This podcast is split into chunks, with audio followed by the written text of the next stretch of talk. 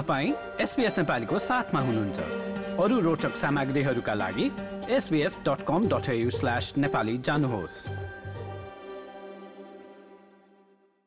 विश्वभर उन्नाइस करोडभन्दा बढी महिलाहरूलाई प्रभाव पारेको एन्टोमेट्रियोसिसका बारेमा जनचेतनाको कमी साथै कम डायग्नोसिस वा कम निदान हुने गरेको पाइन्छ। यसको निदान गर्न औषधमा साढे सात वर्ष लाग्ने गर्दछ।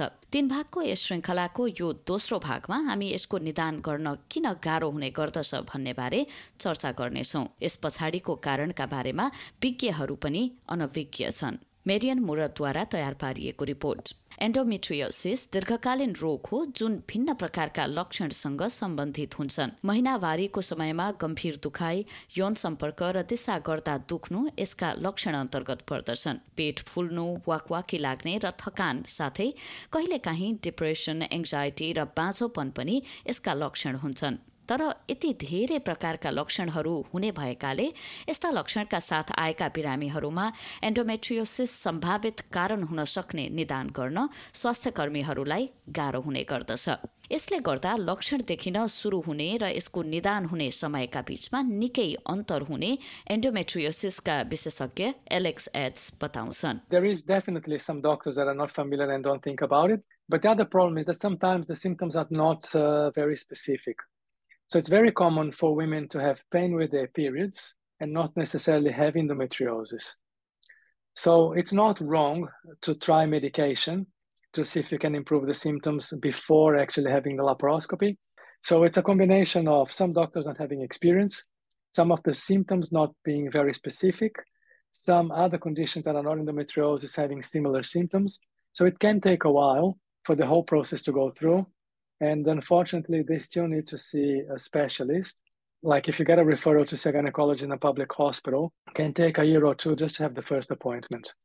So it's not uncommon to take a few years before having a definitive diagnosis. एन्डोमेट्रियोसिसको निदान प्रक्रिया गाह्रो हुनमा चिकित्सक र बिरामीहरूले महिनावारीको समयमा हुने दुखाइलाई सामान्य रूपमा लिनुले पनि भूमिका खेलेको छ त्यसैले यसको व्यवस्थापनबाट हुने फाइदाहरू लिन सक्ने बिरामीहरूले पनि उपयुक्त स्वास्थ्य उपचार पाइराखेका हुँदैनन्। एन्डोमेट्रियोसिस अस्ट्रेलियाकी एलेक्सिस वल्फ यसको अवस्थामा सुधार आइरहेको बताउँछिन्। We're getting better at diagnosing endometriosis. I would like to say that in Australia, we are down to six and a half years to diagnosis. That is still incredibly long, but it is down from 10 to 12 years, which was what it was being reported uh, a few years ago. One of the primary reasons that we find that people are not diagnosed in the very early stages is the idea that pain and menstruation is just a fact of life. Pain has been normalized, and we need to ensure that patients realize that pain that is debilitating, that stops you from living your life, is not normal. So we need people to go and see their GP, talk about their symptoms, and be persistent with their GP in finding a solution. There's a lot of very stoic women who just think that this is their luck in life and they don't seek out support. Uh, when they do seek out support, perhaps their GP is not informed enough about endometriosis and connecting the dots of the symptoms. So it can be very challenging for an individual to get that diagnosis. And it's a true testament to an individual and their persistence for their ability to continue to advocate for themselves to make sure that they get the answers that they need for their symptoms. हामीलाई के कारणले endometriosis हुन्छ भन्ने कुरा थाहा नभएको कारणले गर्दा पनि यसको निदान गर्न अप्ठ्यारो भइरहेको छ। यसको सुरुवात विभिन्न कारणहरूले हुने गरेको बताइन्छ। यसका बारेमा धेरै हाइपोथेसिस वा परिकल्पनाहरू प्रस्तुत गरिएको छ तर कुनै पनि अहिलेसम्म प्रमाणित हुन सकेको छैन। It is the million dollar question, but we don't know what causes endometriosis. We have got a long way to go in terms of research, and there are developments in terms of what that could actually be leading to. But at this stage, the cause is unknown, and we also still do not have a cure. तर endometriosis हुने कारणहरूका बारेमा थाहा नभए पनि यसलाई वर्जित विषय बनाइनु र समर्थनको कमी हुनाको कारणले केट सेगर्स जस्ता यसबाट गुज्रिएका बिरामीहरूमा मानसिक तनाव हुने भने निश्चित छ I guess when I started having intercourse, that's when I started having a lot more issues and just the pain and bleeding from that, which is just a delightful thing to try to talk about. I felt embarrassed, like I didn't really want to talk to my friends about it because it's not something which people discuss and it's not a normal topic to be like, oh, yeah, I had sex and there's just tons and tons of blood pouring out of me. So I think because of that, I know that I didn't actually talk to my friends necessarily about it.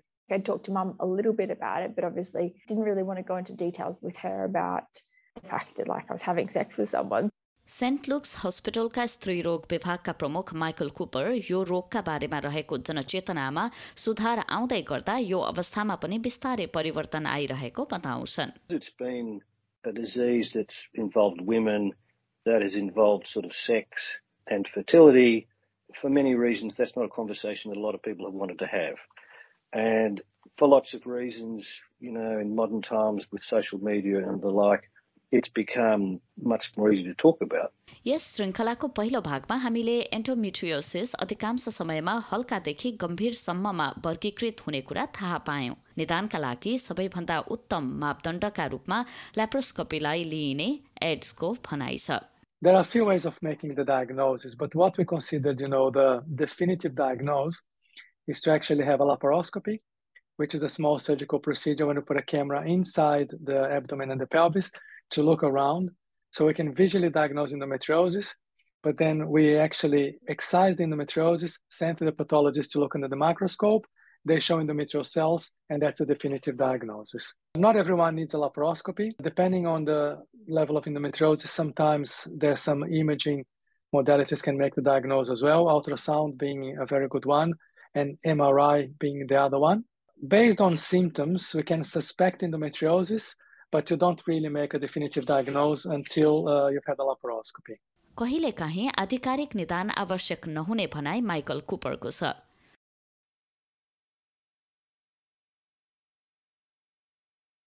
For some people, it doesn't matter whether you diagnose it or not. If someone's sort of, say, 16, 18, 19, or 20, even 22, they may have had painful periods for quite some time if you can control it with, thing, with, with mimicking a pregnancy by, for example, using a contraceptive pill and their scan's normal, then you don't necessarily need to do anything. So you haven't diagnosed it, time's going on, but, uh, you know, it may not be um, into a, a great, uh, it may not assist the situation. एन्डोमेट्रियोसिसको बारेमा स्पष्ट हुन बाँकी अर्को पाटो भनेको यो वंशाणुगत हुन्छ कि हुँदैन भन्ने पनि हो। प्रारम्भिक अनुसन्धानले परिवारका एक झुण्डमा यो अवस्था रहेको देखाउँछ तर अनुवंशिकी वा जेनेटिक्स मात्र चाहिँ यसको जोखिमको कारण होइन। केटलाई आफ्नो अवस्थाको निदान हुन आठ वर्ष लाग्यो जबकि उनकै आमा पनि एन्डोमेट्रियोसिसबाट गुज्रिएकी थिइन्। 17, she was really, really suffering with it all and went to like multiple different specialists and stuff like that. And this is obviously back 30 years ago. And the doctors told her that it was psychological and that she was making it up and it was all in her head and it wasn't a physical pain at all And she was like, no, no, this is not right at all. This is like actually happening to me. So it took her again multiple attempts to go to different doctors to try and find out what was happening. एक पुस्तापछि विज्ञानको विकासले फड्को मारिसक्दा र जनचेतना र शिक्षामा सुधार भइसक्दा पनि केटको लागि आफ्नो रोगको निदान प्रक्रिया निकै चुनौतीपूर्ण रह्यो And even when you do go to different doctors, you get told, yeah, you don't know what you're talking about. This is my body. I'm telling you how I'm feeling and thinking. And they're just like, no, no, that's wrong. When I moved down here, I saw a male gynecologist and trying to explain to him the period pain and the cramping and the bleeding and stuff like that. He's just like, oh yeah, that's fine, that's normal. No, it's it's not. It shouldn't be this painful. He wasn't really able to relate and he wasn't able to help me. And he just brushed all my comments away. Females almost like put it on themselves. You're ashamed to be in pain and that you can't go out and you can't do things. So that's kind of why you just suffer in silence with it all. निदान प्रक्रिया गाह्रो भए पनि यो नै अन्त्य भने होइन। एक व्यक्तिमा यो रोगको निदान भए पनि उनीहरूले यसको प्रभावकारी उपचार कसरी पाउने र यससँगै कसरी जिउने भनेर सिक्नुपर्ने हुन्छ। किनभने यसबाट पूर्णतया मुक्ति पाउन नसकिने त स्पष्ट नै भइसकेको छ। आगामी एपिसोडमा हामी कसरी एन्डोमिट्रियोसिसका बिरामीहरूले यससँगै जिउन सिक्ने भन्ने बारे चर्चा गर्नेछौँ। लाइक र कमेन्ट गर्नुहोस्। एसपिएस नेपालीलाई फेसबुकमा साथ दिनुहोस्।